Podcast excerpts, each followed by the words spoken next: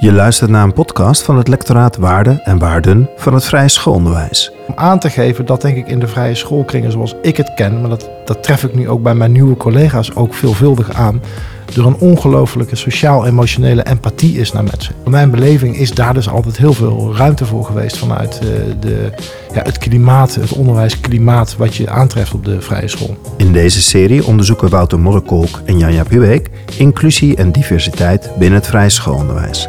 De pedagogiek van het vrije schoolonderwijs is eigenlijk heel inclusief. Maar hoe komt het dan dat de populatie zo exclusief is? Als je woke bent, dan ben je actief bewust van je eigen deformaties. Het is de bedoeling dat je actief jezelf onderzoekt op je eigen vooringenomenheid als het gaat om andere religies, andere culturen, andere etniciteiten, andere uh, seksuele geaardheid, etc. En hoe kunnen vrije scholen ervoor zorgen dat zij een ontmoetingsplaats worden voor diversiteit en een oefenplaats voor inclusiviteit? De wereld wordt mooier en warmer en uh, liefdevoller op het moment dat je je veel meer verbindt met mensen die anders zijn dan jij. In deze aflevering spreken we Laurens Knoop. Laurens Knoop is een van de oprichters van de Nederlandse School of Life. Sinds oktober 2020 is Laurens voorzitter van de vereniging Vrije Scholen. Welkom Laurens in de podcast. Dankjewel. Vertel Laurens, wat is voor jou vrije schoolonderwijs? Dat is voor mij onderwijs waar uh, ik natuurlijk sowieso een heel uh, warm gevoel bij krijg. het is ook volgens mij een warm soort onderwijs in termen van menselijke interactie. Maar vooral voor mij is de, het creatieve element. Ik dank zelf, denk ik, echt de vrije school voor mijn creatieve ontwikkeling. Um, en ik zie dat ook bij heel veel andere mensen gebeuren. En toch het, de, het autonome, creatieve stuk van de vrije school heeft mij altijd het meest aangesproken. En dat is mij, mij overigens persoonlijk.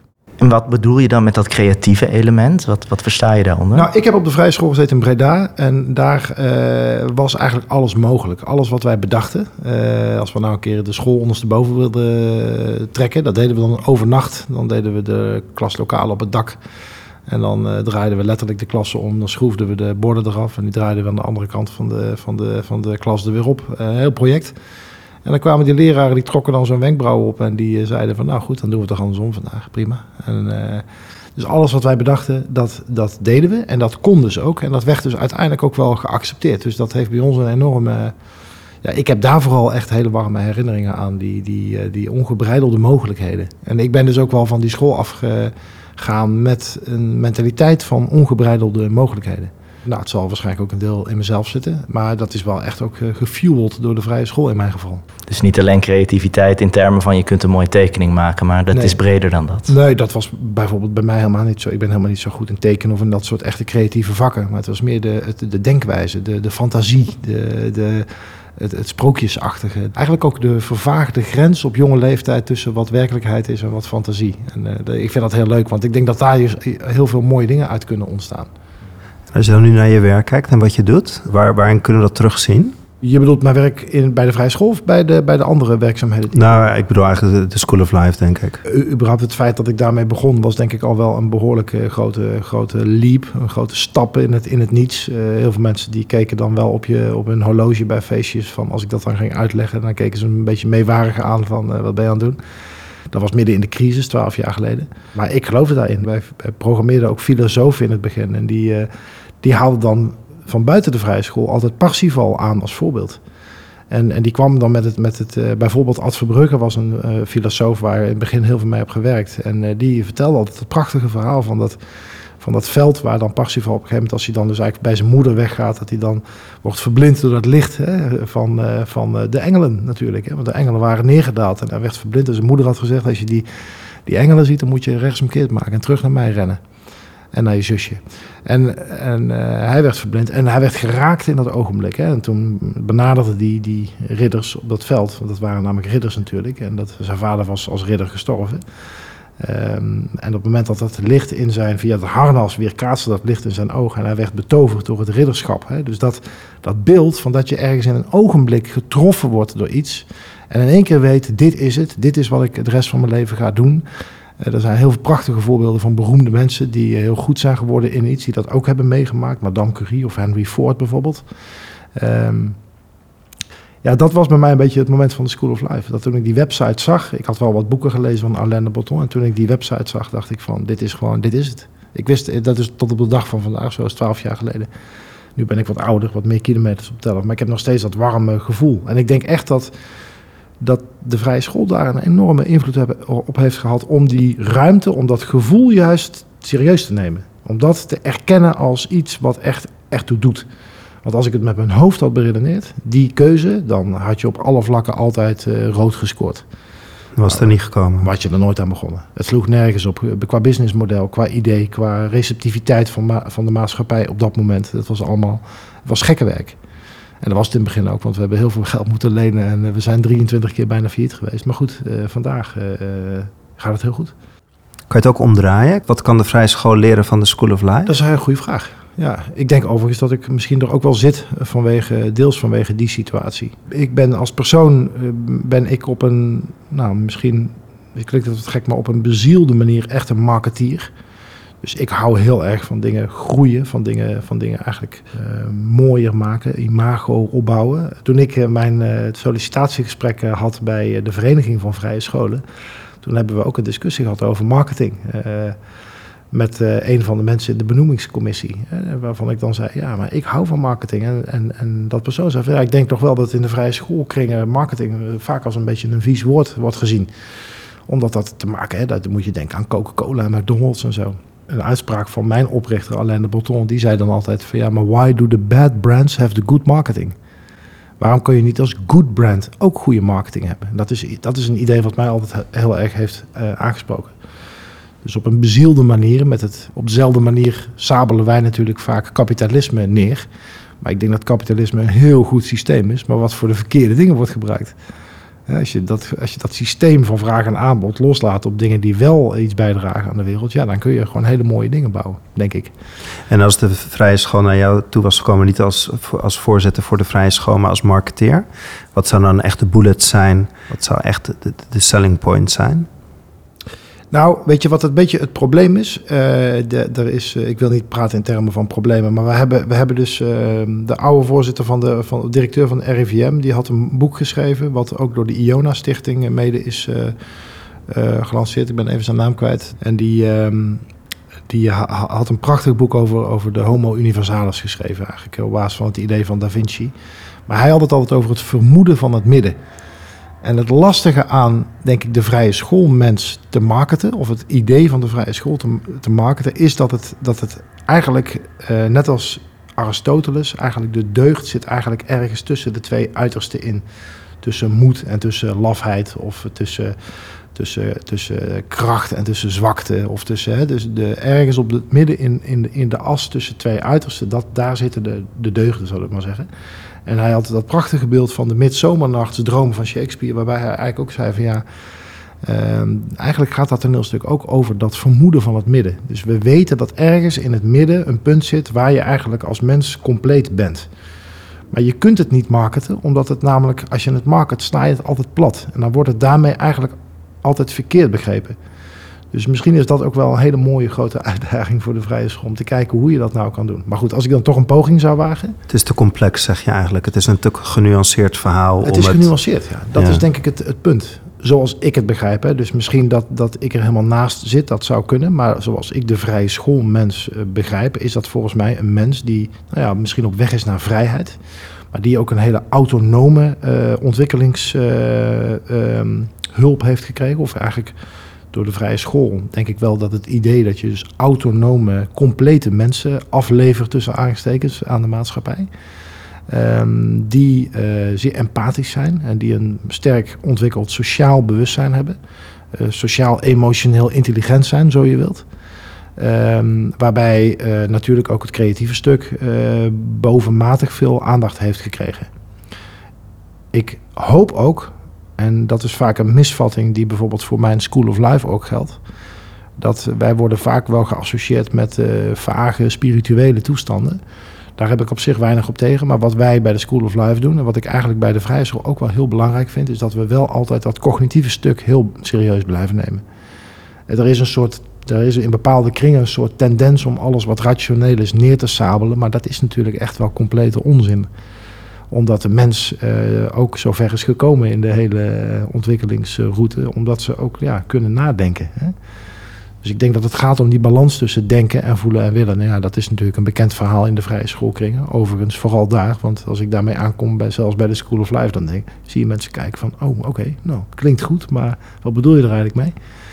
Dus dat zou ik proberen te marketen, ja. ja dat, of dat is ook wel wat ik misschien aan het, aan het doen ben. Wat ik aan het proberen ben, ja. Want waarom ben je voorzitter geworden van de Vereniging Vrije Scholen? Waarom wil je dat? Ik ben echt een, een, een eh, advocate van de vrije school. Ik heb, ik heb altijd, uh, mijn beste vrienden zijn van de vrije school nog steeds. Het, het, het, is, het, heeft banden voor het leven gecreëerd. Ik heb mijn ene examenjaar in Zeist bij de school van, van mijn collega Gijs van Lennep. heb ik een van de mooiste jaren in mijn leven gehad. ik was gewoon heel gelukkig op de vrije school.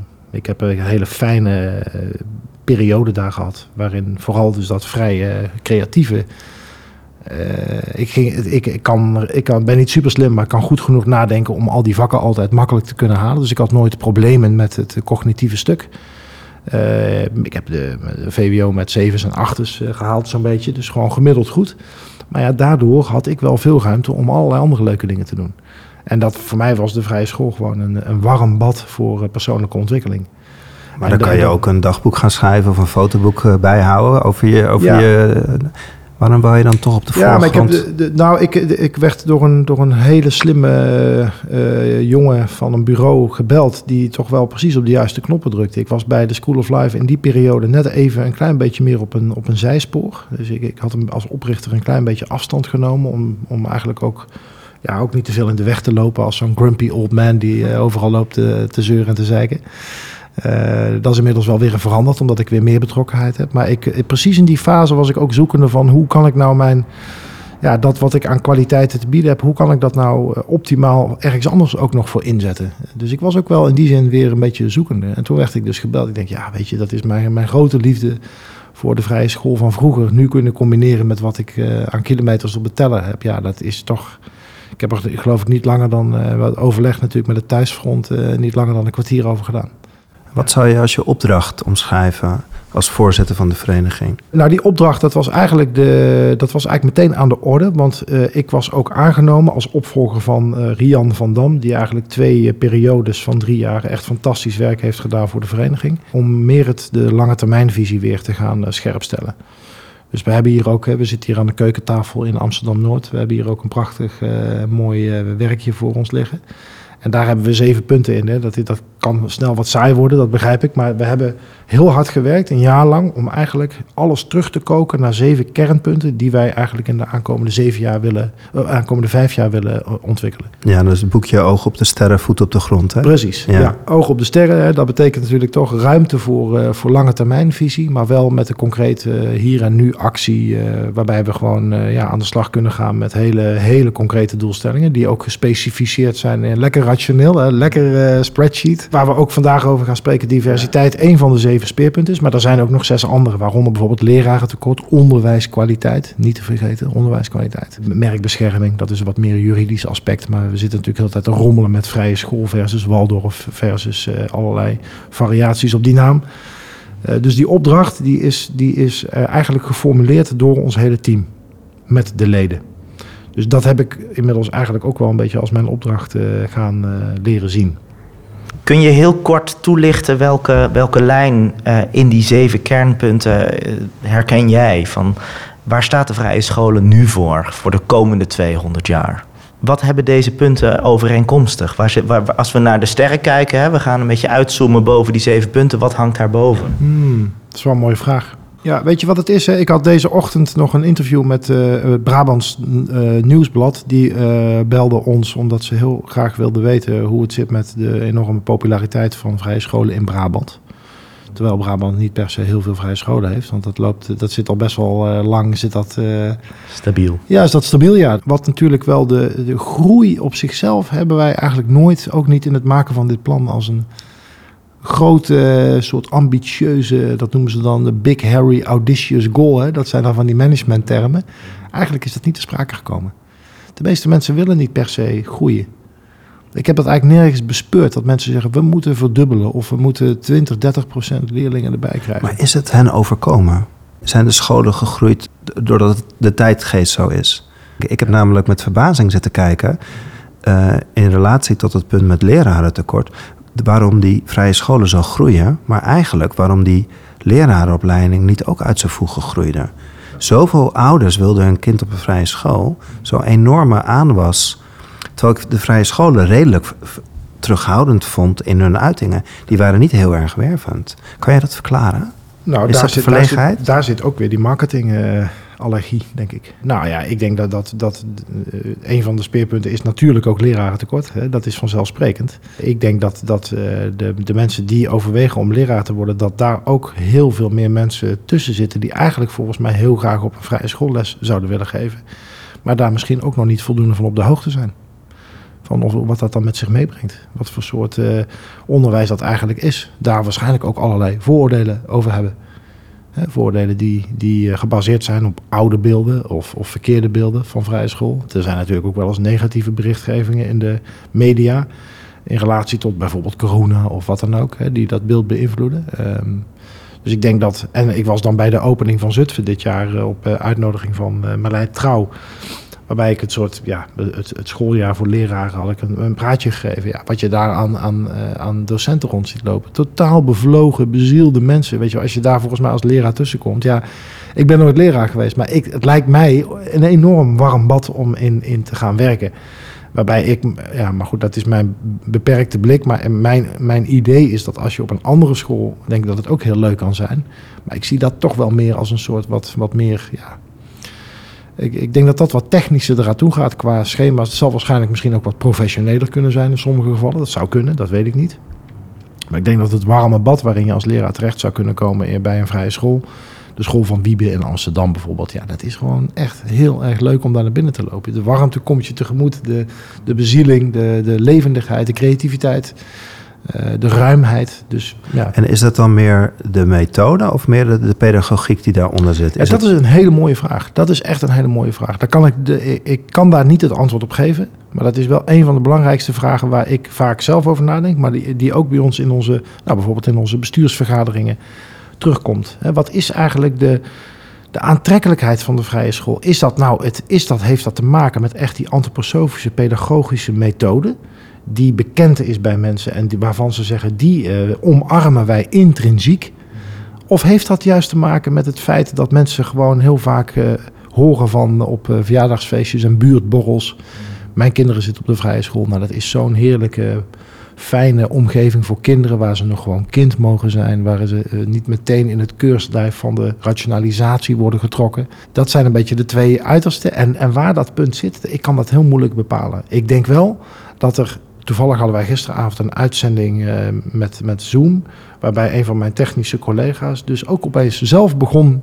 Zonder dat hij wist dat ik betrokken was bij de vrije school. Dat hij zijn kinderen naar de. Ik zei: hey, hoezo? Hij zei: Ja, nee, ik heb daarover gehoord en het is zo warm. Ja, het kan dus niet, want hij woont in Amsterdam. Ik krijg hem nergens kwijt. Maar ik wil daar naartoe, omdat het, uh, ik wil voor mijn kinderen gewoon een warm bad. En ze hoeven allemaal niet meer zo hard te leren in, in termen van rationeel klaarstomen voor de juiste eh, vakken om uiteindelijk uh, meteen, uh, weet ik veel, rechten te kunnen gaan studeren of, of natuurkunde of wat dan ook. Dus meer dat, dat, dat zachte aspect, dat is gewoon op dit moment extreem populair. Vaak volgens mij niet zo heel erg onderbouwd met een bepaalde pedagogische voorkeur. Mijn, mijn beeld. Maar als ik ga kijken en ook wat je vertelt, hè, de mensen die de vrije scholen kennen of vanuit een wat uitgebreider verhaal die zien of die ervaren zelf of voelen de bevlogenheid die erin zit en de aandacht. Maar mensen die de vrije scholen niet kennen, hebben die vooroordelen. Hebben jullie ook een beeld als vereniging? Wat zijn dat dan voor een vooroordelen? Wat, wat leeft daar dan? Het valt mij op de eerste plaats op dat nog steeds ongelooflijk veel mensen helemaal niet weten wat het is in mijn kring. Ik ben 48. Ik ontmoet mensen tussen de 20 en de 50, denk ik, gemiddeld. Veel in mijn werk en bestaan. Ik denk dat de helft van de mensen eigenlijk helemaal niet goed weten. We hebben ergens vagelijk van gehoord. En dan, en dan kijk ik een beetje zo'n wazige blik van... oh ja, iets met uh, vrije, vrije, vrije school, vrije opvoeding. Vrije, een soort van Montessori. Soort van Montessori, ja. ja. Dus, dat, dus heel, er is heel veel... Uh, heel veel mensen weten het gewoon niet. Mhm. Nou, dan heb je natuurlijk een hele groep die zich laat beïnvloeden door bijvoorbeeld de, de, door, de, ja, door, door de berichtgevingen die te maken hebben met. Nou, we hebben natuurlijk een aantal bekende schrijvers die, of één bekende schrijver die zich nogal eens negatief uitlaat over de vrije school. Nou, ik vind dat op zich heel mooi. Ik vind het niet per se heel leuk, maar het mag ook. Het is ook goed. Uh, houdt de boel scherp. Mensen die dat lezen, die worden natuurlijk beïnvloed. Maar ik heb ook heel veel mensen die, de meeste mensen die ik spreek in mijn kringen, die ik, waar ik kom, dus vooral in Amsterdam, maar ook nog wel in de landen, die zijn gewoon daar ongelooflijk positief over. Die, ik heb heel vaak gehoord van had ik mijn kinderen maar op de had ik zelf maar op de vrije school gezeten. Ik zit dan denk ik wel iets cultureler, creatievere hoek. Hè? Dus daar kom je wel sneller mensen tegen die wat meer een soort like-minded zijn. In ons voorgesprek zei je heel mooi dat in de vrije scholen heel mooi gekeken wordt naar eh, gendervraagstukken, seksualiteitsvraagstukken. Ja. We hadden het over niveauverschillen. En in jullie plan staat ook dat diversiteit een, een aandachtspunt heeft. Wat kunnen we buiten het vrije schoolonderwijs leren hoe het vrije schoolonderwijs omgaat met gendervraagstukken, diversiteit in niveaus en alles. En wat zou de vrije school kunnen leren als het gaat over diversiteit, als het gaat over, over verschillende culturen die in hun scholen kunnen komen? Dus eigenlijk twee vragen van hey, waar zit nou echt die kracht? Hoe ze kijken naar, naar het kind. En wat kunnen ze nou doen om diverser te worden daarin, ook in populatie? Nou ja, ik denk dat je op de eerste plaats altijd gewoon goed moet kijken naar wat je dan precies bedoelt met uh, diversiteit. Dus wij zijn natuurlijk, en dat is ook terecht, uh, snel geneigd om te denken in termen van, uh, van, van huidkleur. Welke tint je hebt. Dat is natuurlijk ook een criterium waar je natuurlijk ook volgens mij. Uh, wat ook heel hoog op de agenda staat, om ook in die termen te zorgen dat je een wat representatievere beeld vertegenwoordigt. Maar er is natuurlijk ook verschil in opleidingsniveau, er is verschil in IQ en er is natuurlijk ook verschil in uh, seksuele geaardheid. Uh, het is eigenlijk een, volgens mij een heel palet aan verschillende elementen die je identiteit bepalen. En volgens mij wat belangrijk is, en daarin doen we het denk ik op de LHBT IQ plus as met de vrije school heel goed het is altijd moeilijk, hè, want je, ik heb geen wetenschappelijke onderzoeksgegevens die het aantonen. Maar ik kan alleen maar spreken over wat mijn beeld is en mijn gevoel erbij. Dat uh, iemand die gay lesbian is, of die, die uh, non-binair is, of die op, op, op die, in die, hoek als het ware identiteitsvraagstukken heeft, die uh, tot een zekere mate beantwoord zijn. Volgens mij is dat op de vrije school heel welkom. Volgens mij voelen die mensen zich, uh, nou, stiekem een uitspraak voor mij. Ik denk dat ze zich misschien wel meer welkom voelen dan op een gemiddelde andere school. We hebben leerlingen hiernaar bevraagd, die, die, die bevestigen dit. Hmm. En die bevestigen ook dat leerkrachten dat voorleven. Wat doen dan de vrije scholen dat dit zo goed lukt? Wat, wat, wat, zou, wat is de kern daarin? Wat... Nou kijk, misschien dat ik een anekdote kan vertellen van mijn, van mijn uh, iets wat mij, heel, wat mij nog steeds heel erg uh, raakt. Als ik terugdenk aan mijn vrije schoolperiode. Dat is inmiddels wel een tijdje geleden, maar... Uh, wat wij dus deden, was dat wij dus op een gegeven moment een meisje hadden die werd gepest in de klas. En dat was een, uh, dat was een, uh, dat was eigenlijk een populair meisje die op een bepaalde manier eigenlijk een soort in opspraak was geraakt in de klas. Ze was relatief nieuw en daar hebben wij toen met de klas allerlei hele gemene dingen naar gedaan. Echt helemaal niet leuk. Iets waar je je eigenlijk voor schaamt. Wat er dus bij ons gebeurde, is dat wij gewoon dan out of the blue legde de leraar gewoon een heel, hele dag, het hele programma van, de, van die dag gewoon helemaal stil. En gingen we gewoon van 9 uur s ochtends tot 4, 5 uur in de middag daarover praten met de hele klas. En, en zijn doelstelling was heel helder. We gaan dit uitpraten totdat het onderste steen boven is. En daarna gaan we ervoor zorgen dat het gewoon nooit meer gebeurt en dat het goed is. Dus dat was niet iemand die worstelde met identiteitsvraagstukken op het gay-lesbian stuk bijvoorbeeld. Maar dat was iemand die andersoortige identiteitsvragen had, waardoor het, ja, er was miscommunicatie ontstaan. Um, toevallig heb ik, uh, toen ik met deze baan begon, heb ik opeens daar, ben ik daar aan terug gaan denken. Toen heb ik haar recent nog een appje gestuurd om te vragen hoe is het eigenlijk met je? En kan je dat nog herinneren? En toen zei zij dus, nou wat, wat ongelooflijk dat je me daar nu opeens naar vraagt. Natuurlijk kan ik me dat herinneren. Dat is een van de meest impactvolle momenten geweest uit mijn uh, schoolperiode. Uh, het verdriet voorafgaand eraan en de enorme uh, opluchting en bevrijding en de liefde die ook vrijkwam nadat we dus dat hadden uitgepraat met elkaar. En daarna is het dus ook voor iedereen die daar bij ons in de klas zat, was dat, is dat iemand waar we, ja, ik zou een beetje overdreven gezegd, van zijn gaan houden. Dus dat is misschien wel een voorbeeld om aan te geven dat denk ik in de vrije schoolkringen zoals ik het ken, maar dat, dat tref ik nu ook bij mijn nieuwe collega's ook veelvuldig aan, er een ongelofelijke sociaal-emotionele empathie is naar mensen. En dat is eigenlijk een veel ruimere uh, manier om het aan te vliegen. Als je, bedoel, of je nou wat voor soort seksuele geaardheid je hebt, of wat voor soort huidkleur je hebt, of wat voor soort opleidingsniveau heb je ouders die miljonair zijn of die van de bijstand leven. Uh, of welke, en natuurlijk ook religieuze diversiteit niet te vergeten. Van welke, welke religieuze komaf je bent. Ja, in mijn gevoel en mijn beleving is daar dus altijd heel veel ruimte voor geweest vanuit uh, de, ja, het klimaat, het onderwijsklimaat wat je aantreft op de vrije school. Dus er wordt heel erg de tijd genomen voor die verschillen. En als er een probleem is, de tijd genomen om daarnaar te kijken. Ja. Vanuit een empathische verbinding. Er is minder, ik heb veel minder competitie ervaren. Het is geen, niet een wedstrijd wie de slimste is of wie het beste. Er waren mensen die goed konden hockeyen of die goed konden voetballen. Maar dat was een beetje een soort bijzaak bij ons. Van, oh, wat leuk. Nou, hartstikke mooi voor je. Nou, eigenlijk zeg je iedereen is welkom. Iedereen is welkom. Dat is dat, de, in, in mijn, wat ik heb meegemaakt, overigens ook in Zeist, waar ik een jaar heb gezeten, uh, daar is de. Uh, ja, je hebt natuurlijk wel mensen die je gewoon minder kan mogen om bepaalde redenen. Dat, uh, maar dat heeft in, ja, in mijn beleving weinig te maken gehad met wat voor soort komaf je had. dat had dan veel met, met iets karakterologisch te maken. Dus ik denk dat het veel meer bij ons, ja, in, in onze kringen ging het veel meer over de. Men was gewoon heel open voor, voor ja, andere karakters, zou ik zou ik bijna kan jij dan verklaren waarom er scholen in Nederland staan in wijken die heel divers zijn, ja. maar dat dan de vrije school midden in die wijk staat en die is niet divers? Dat er Ja. uit, echt uit de regio ouders komen om hun kinderen daar op school te brengen? Ja, nou ja, goed. Ja, ik heb daar natuurlijk wel gedachten over. Ja, dat is dan de vraag of je dat kan staven. Maar ja, kijk, het begint natuurlijk bij. Je moet je heel bewust zijn van. Nou, laten we beginnen bij de herfsttafel. Eh, het is nu herfst. Hoe ziet dat eruit? Hè? Is dat, eh, wat voor kleuren poppetjes staat daar dan? Dat is dan denk ik dat daar wel bijvoorbeeld eh, de kleur wel even iets, eh, iets, iets belangrijker is om daar rekening mee te houden. Wat voor soort verhalen worden het verteld? Zijn het eigenlijk alleen maar witte, eh, oude bijbelse verhalen? Ja, dan heb je op twee assen opeens een probleem. Hè? Je hebt een wit probleem en je hebt een religieus probleem. Als je dus, hè, dus dat, dat, daar, daar zou je ook wel wat ruimhartig in kunnen zijn. Ik weet dat bijvoorbeeld op de scholen die, eh, die zich eigenlijk positioneren als diverse scholen, dat daar gewoon veel meer verhalen worden verteld. Veel bredere. eh, veel breder aanbod van verhalen eigenlijk uit alle culturen, uit alle religies, uit alle windstreken van de wereld. Maar is het alleen dat verhaal of gaat dat nog dieper? Nee, dat is, natuurlijk gaat het dieper. Het begint er natuurlijk bij dat de, de besturen en de leraren van de scholen en, en ook de ouders natuurlijk een, een intrinsieke, ja, dat noem je tegenwoordig woke, hè? Dat, eh, hashtag woke.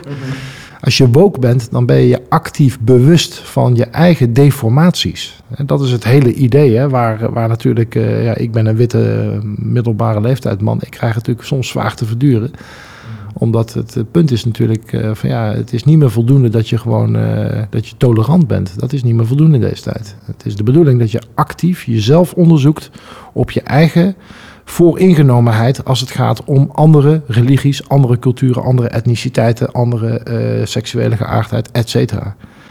Dus dat is de opdracht. Wij, wij moeten harder ons best doen om ons open te stellen op eh, onze eigen, de manier waarop we overkomen. Want ik weet ook het voorbeeld van, van mensen die dus uit andere culturen komen, die toch rechtsomkeerd maken na een tijdje, omdat ze gewoon toch niet voldoende zich welkom voelen. Dus de wekker moet eigenlijk afgaan voor de vrije scholen om meer woke te worden. Ja, dat denk ik wel, ja. En toch snap ik het niet. Je hebt zo'n mooi voorbeeld van een, van een kind wat zich niet welkom voelt op school. En ik vind het heel mooi dat zo'n leerkracht daar gewoon eindeloze tijd voor neemt. Of wat is dan misschien de sleutel dat, dat we dit ook gaan doen? Dat we hier ook de tijd voor gaan nemen? Nou, waar hebben we ons verslapen misschien weer als we gewoon weer de termen van woke blijven? Want ik denk dat daar wel iets, iets in zit.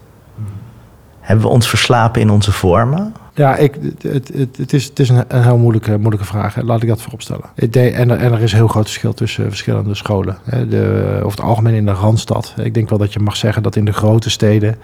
Wij zitten hier in Amsterdam, Rotterdam, Den Haag. Dat dat wel scholen zijn waar eh, daar is van nature al zoveel diversiteit. Ik geloof dat 102, 83 nationaliteiten in Amsterdam. Op die as koor je natuurlijk wel wat sneller als de hele omgeving al heel divers is. En, en Amsterdam is natuurlijk denk ik ook een veel vrijere stad dan eh, laten we een gemiddelde stad uit de provincie eh, nemen. Ja, dan word je natuurlijk snel voor arrogante stedelingen uitgemaakt. Eh, Dan moet ik, die, die, neem ik dan maar even, zal ik zeggen. Ik denk dat de, de stad als Amsterdam in principe wel een aantal jaren voorloopt. Dus het, het is een gegeven dat die hele woke-beweging als een soort waterbed, eh, zo, of als een soort golf beter gezegd, eh, uitwaaiert over het hele land. En dat is niet tegen te houden. En dat lijkt me ook heel gezond dat je dat niet tegen wil houden omdat ehm, de maatschappij in een hoog tempo verandert. het wordt een veel kleurrijkere maatschappij. Dus het zou ook, als wij dan mensen willen voortbrengen met de vrije school, die eigenlijk als geheel mensen in de ma- klaar zijn voor de maatschappij, ja, dan, dan is het misschien wel verstandig dat ze ook zich ten diepste bewust zijn van de diversiteit van de maatschappij om zich heen. In hoeverre is het, is het Ja. geloof een, eh, een hindernis? Het geloof. De, de christelijke verhalen, het, het religieuze, het spirituele, de spreuk 's ochtends met vier keer God. In hoeverre is dat hinderlijk Ja. om, om woke te worden? Nou ja, maar ik, eh, ik ben zelf zeer eh, nauw verbonden met mensen die, van, die Joods zijn, die kinderen toch op de vrije school hebben zitten. Die daar ook wel eens, eh, nou ja, die daar ook wel eens wel een wenkbrauwen bij fronsen van oké, ja, het gaat dus wel alleen maar over de, de, de christelijke godsdienst. Godsdienst, daar is natuurlijk de vrije school nog steeds wel mee doordrenkt, denk ik. Dus ik kan niet zo goed beoordelen welke mate dat, hè, want ik kom zelf wel veel op scholen, maar dat is meer als bezoek. Of dan ben ik er een uurtje of twee. Ik, ik, ik draai niet hele weken mee op wat er dan precies wordt verteld op dit moment. Dus dat is moeilijker te beoordelen voor mij. Maar dat, eh, ik denk dat dat in sommige gevallen wel een, eh, wel een blokkade kan zijn, ja. Ik stel de vraag namelijk omdat we vorige week waren we op, eh, hier in Amsterdam, Waldorf van der Werf. En de- die zijn andere verhalen gaan vertellen, die zijn andere feesten gaan vieren. En toen ging dat dus delen met mensen. En, en toen kwam de belemmering van ja, maar het zit toch niet alleen maar in die jaarfeest. Of het zit toch niet alleen maar in die, in die, ehm, in die verhalen. Dus elke keer komen we weer een nieuwe blokkade tegen. Ik, ik, ik voel nooit waar echt die angel zit. En ik heb altijd het idee dat het misschien wel bij dat spirituele zit, zonder dat dat altijd heel bewust gezegd wordt. Een van de beste methodes zou natuurlijk zijn dat je gewoon met door de ogen van iemand die, eh, ja, die, niet, eh, die, die niet van Nederlandse kom af is, oorspronkelijk 1, 2, 3, 4 generaties geleden. En die met haar of zijn kinderen bij de vrije school binnen zou komen lopen. Wat dat, wat dat doet, hè? dat zou je willen weten. Ja. Dat zou het ultieme beeld zijn. Als je dat goed zou kunnen voelen bij zo'n mens en goed zou kunnen meedenken bij zo'n mens, dat, dan, dan zou je denk ik heel veel leren over, over de mate waarin wij toch dan een uh, vreemdkurper zijn. Hè? Om maar even in de terminologie te blijven. Van, uh, van dat, je, dat, je, dat, dat, dat we te weird zijn. Dat het, te, te, dat het te ondoorgrondelijk is. En dat het misschien wel meteen uh, het gevoel geeft van nou dat is een club die ik mooi vind. Hè? Misschien dat het zelfs heel warm kan voelen en heel, heel leuk en aantrekkelijk kan zijn. En je ziet kinderen daar gelukkig spelen met elkaar. Maar het is niks voor mij. Ik weet niet, maar ik voel hè, dat dit gebied. Ik steek dan even mijn handen op, hè, zo van er is een soort afstand. Dat gebied zou je willen onderzoeken. Wat daar nou precies. Laten we overigens niet vergeten dat het niet alleen op de vrije scholen dit probleem op deze manier. Eh, en niet alleen op scholen, maar in de hele maatschappij is natuurlijk doordrenkt van dit vraagstuk. Hè. Hoe zorg je ervoor dat je eigenlijk op alle vlakken een divers bedrijf bent? Hoe zorg je ervoor dat je een, een, een, divers beleid hebt vanuit de politieke krachten in, in het land? Hoe zorg je ervoor dat je een diverse maatschappij hebt waar, waarin iedereen zich welkom voelt? Ik bedoel, het is all over the place. Het is niet voor niks zo'n hot uh, issue. Maar daar praten we hier niet over. We praten hier over de vrije school. Nou, maar we kunnen misschien ook wel dingen leren van buiten het onderwijs. Om te ja. kijken waar, waar lukt het wel. Ja. Binnen het vrije schoolonderwijs lukt het op uh, seksuele geaardheid, op uh, diversiteit, op ja. basis van IQ, niveaugroepen. Lukt het ons wel? En wat kunnen we leren? En ik denk, jij hebt ook een blik natuurlijk buiten het onderwijs. Zie je daar in de maatschappij bewegingen waarvan je denkt, hé, hey, daar, daar lukt dit stuk wel, wat ons op de vrije school nog niet lukt? Nou, wij, wij zijn met, met mijn andere club, de School of Life, uh, werken wij hier snoeihard aan. Ja, wij, kunnen het, hebben natuurlijk het voordeel dat wij een hele vrije manier van programmeren hebben. Dus wij zorgen dat we. Ja, eigenlijk zijn bijna al onze grote sprekers die wij uh, zijn, zijn heel vaak niet christelijk. Ze zijn heel vaak bijvoorbeeld Joods. Ze zijn heel vaak uh, gekleurd. Ze zijn heel veel va vaker vrouwen dan vroeger. Hè. We hadden de vroeger 70% mannen toen we nog niet, niet nadachten. Nu, is het, nu zijn het meer vrouwen dan mannen, denk ik zelfs. Uh, we proberen op de onderwerpen zo divers mogelijk te zijn. Het gaat niet alleen maar over Black Lives Matter en over. Hè. Dus dat, je moet het ook relativeren. Het is één van de belangrijke issues. Maar wij proberen, proberen daar heel actief en heel. We, we praten er ook heel veel over om daar een mooi gebalanceerd beeld neer te zetten. Uh, dus daar, daar, daar lukt het ons denk ik wel aardig. Ik heb vroeger veel met de Human gewerkt, de omroep Human, hè, de, uh, de humanisten, waar natuurlijk de vrije school heel dicht tegenaan schurkt. Heel veel mensen gaan naar de Universiteit van Humanistiek, naar de vrije school. Je kent het wel. Hè? En vinden dan geen baan. En vinden dan geen baan, nee, dat ook soms. Die komen dan bij de School of Life terecht, ook vaak. Uh, en, maar ik heb toen, de toenmalige directeur Bert Janssens was iemand waar ik veel mee samenwerkte. En wij hebben op een gegeven moment gewoon besloten, weet je wat, uh, al dat gelul over mannen versus vrouwen. Vanaf nu hebben we gewoon de regel dat alles wat we doen minimaal 50% vrouw is. Als wij een, een, een opnamedag regelden voor, de, voor het Brainwash Talks, dat waren dan twaalf op een middag in het De La Theater, dan begonnen we dus met eerst zes vrouwen. Nou ja, ze zeggen, eh, is dat een extreme methode? Nou, noem het maar extreem, maakt niet uit. Binnen een jaar was het helemaal ingeburgerd in uh, de manier van denken. Dus dat was helemaal niet een issue meer. Dus ik ben er ook wel voor dat je gewoon ook zorgt dat je gewoon actief daar in de werving rekening mee gaat houden. En hoe kunnen we dat concreet maken als we naar het vrije schoolonderwijs uh, kijken? Ik hoorde zo tussen de regels door in het lerarenkorps moet diverser. Natuurlijk. Ja. Hoe gaan we dat doen? Ja, we kunnen mensen ook niet dwingen, nee. maar we moeten mensen wel verleiden. En jij bent een marketeer, ja, dus ja. hoe gaan we ze verleiden? Ja. Nou, dat gaat natuurlijk over alle assen. Dat begint al met je. Je had het er straks over folders. Hè. Wat, wat staat er voor, voor tekst, maar wat, gebruik, wat voor foto's gebruik je? Natuurlijk niet meer van die lelijke stokfoto's aankomen met, uh, met, uh, met zo'n zo met zo'n opengeklapte laptop en zo. Hè. Dat, Mhm. mm -hmm. dat wil je niet. Mooie pasteltekening. Ja, nou ja, maar het, het, het, beeld wat je dus communiceert, moet dus al in zich dragen dat je eigenlijk die hele diversiteit uitstraalt. Te veel nadruk op uh, christelijke waarden, nou dat, dan weet je wat er gebeurt. Dan zullen mensen die dat niet omarmen, zullen denk meteen denken, oké, okay, is dat dan voor mij? Wat voor soort mensen zet je daarop? Hoe zien die mensen eruit? Wat voor kleding hebben die mensen?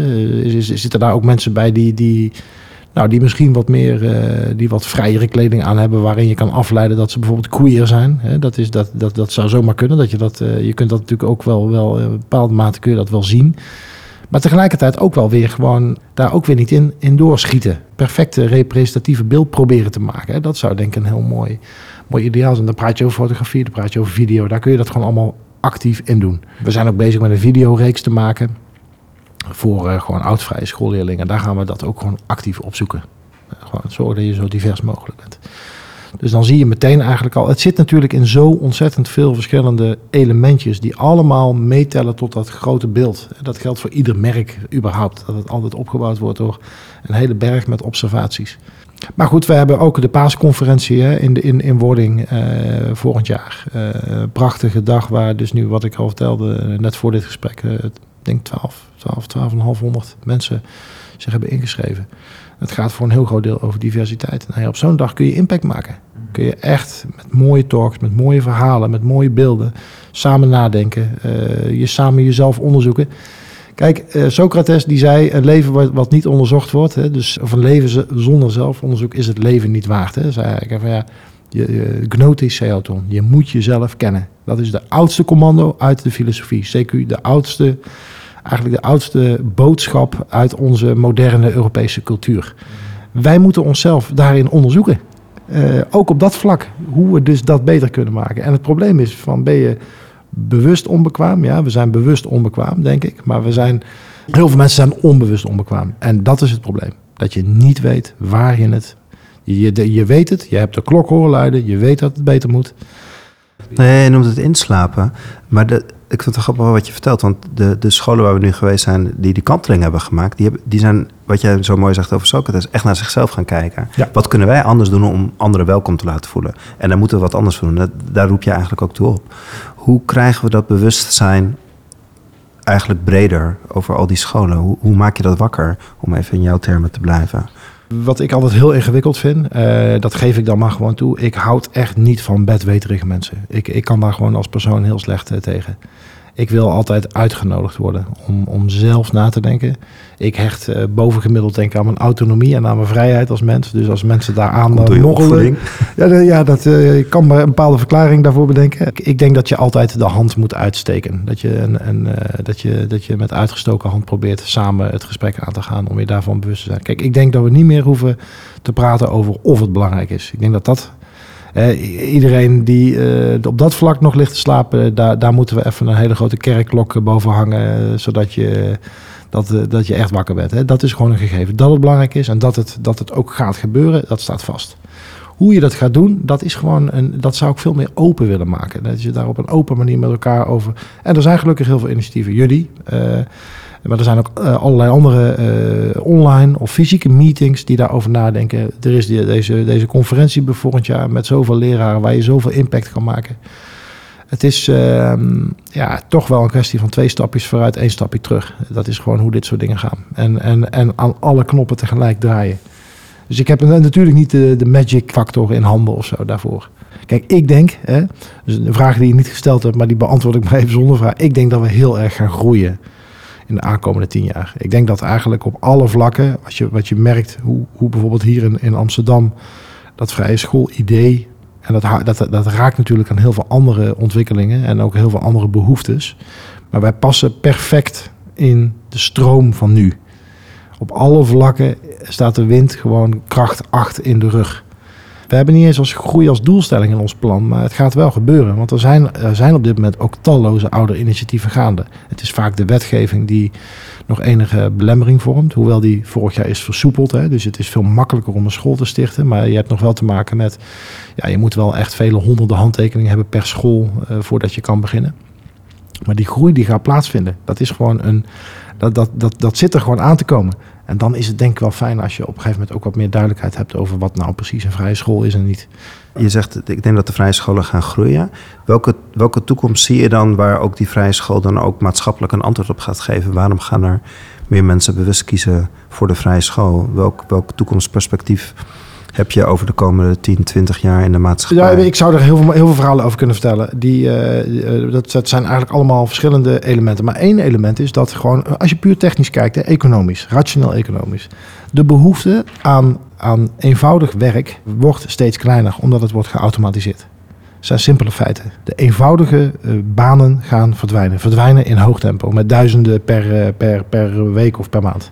Wat daarvoor in de plaats komt, is een behoefte aan een creatieve mens. Die in de breedte ontwikkeld is. Sociaal, emotioneel creatieve mensen. Dat zijn de mensen voor de toekomstige banen ook.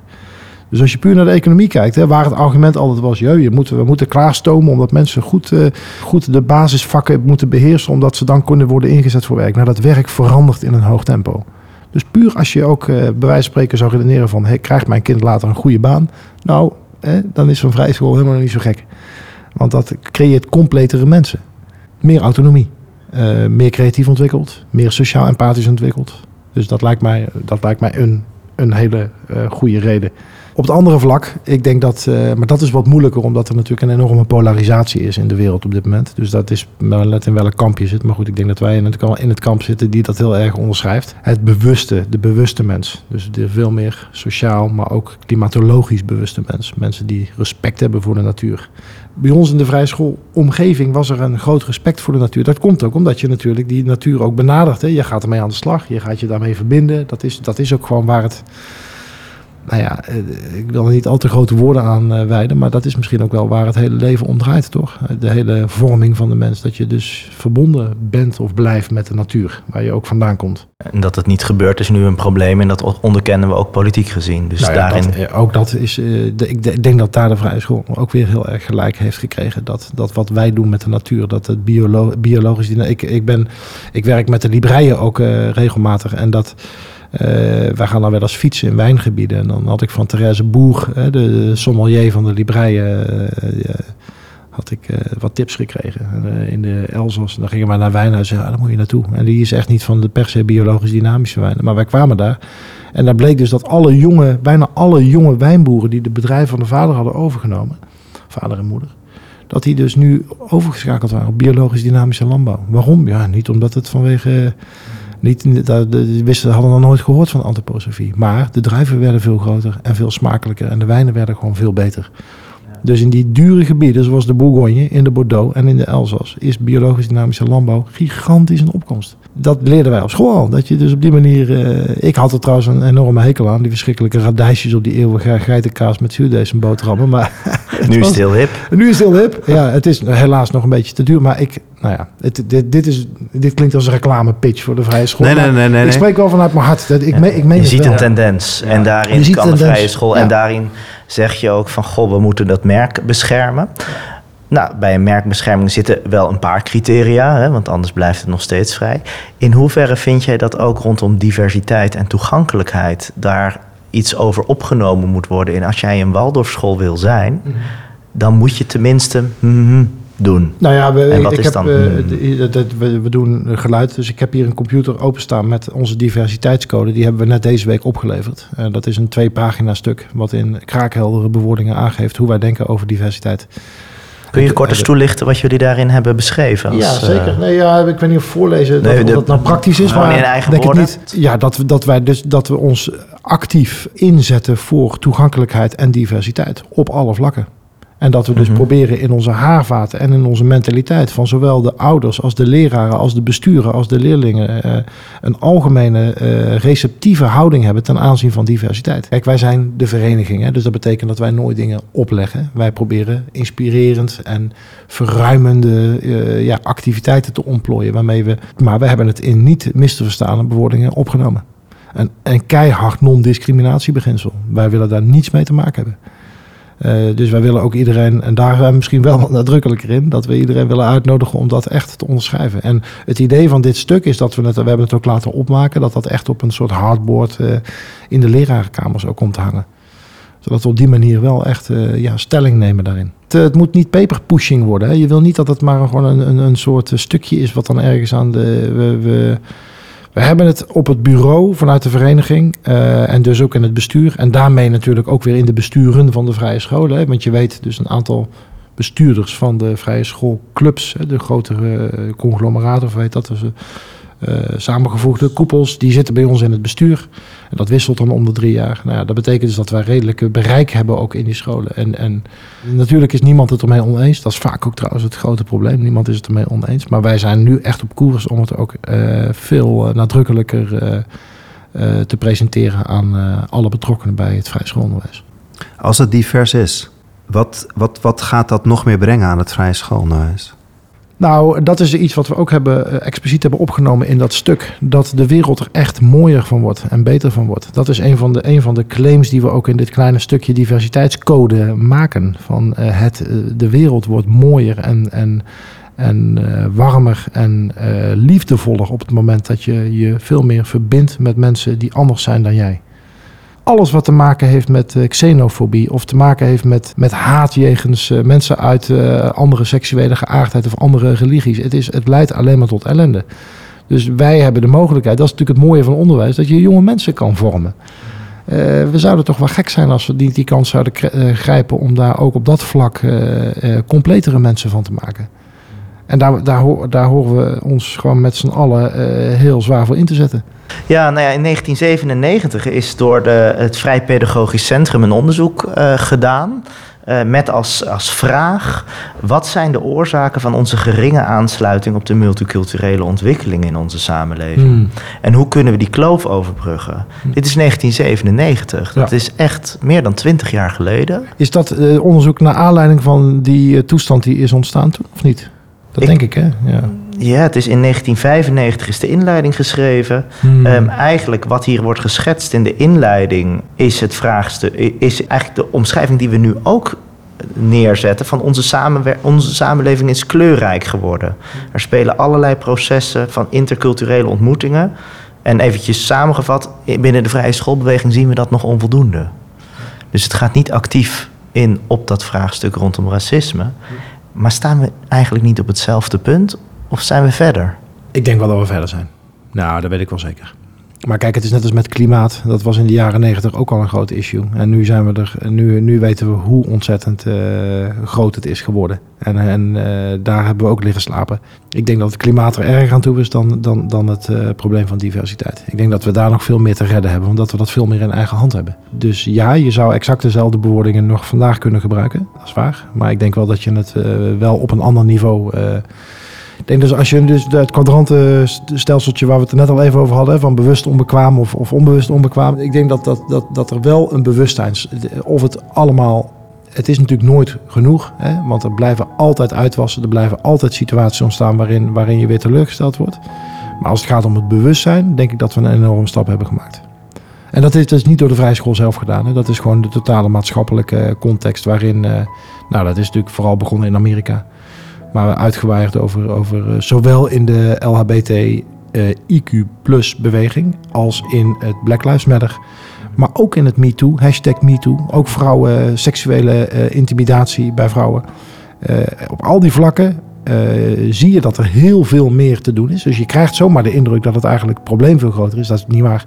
Ik denk dat het bewustzijn veel groter is. Waardoor er veel meer over gezegd wordt en veel meer discussie wordt geantemeerd ook om, om er samen over na te denken. Kijk naar, naar de hoeveelheid vrije scholen die op dit moment in oprichting zijn, die dit al zo nadrukkelijk omarmen. Hè. Jij had net zelf Waldo van der Werf als voorbeeld. Ja, dat is er een van de, van de, van de vele inmiddels. Hè. Dus, uh, dus dat, dat is gewoon uh, hoop, uh, hoopgevend, zou ik zeggen. Ja. Dankjewel, Laurens. Graag gedaan. Dankjewel. Je luistert naar een podcast in de serie Waarde van het Vrije Schoolonderwijs, waar leden van de kenniskring inzichten en vragen delen over het vrije schoolonderwijs. Daarnaast komen in deze serie mensen aan het woord die vanuit hun ervaring of expertise hun licht laten schijnen op het vrije schoolonderwijs. Like deze uitzending zodat meer mensen ons makkelijker kunnen vinden. Tot de volgende aflevering in deze serie.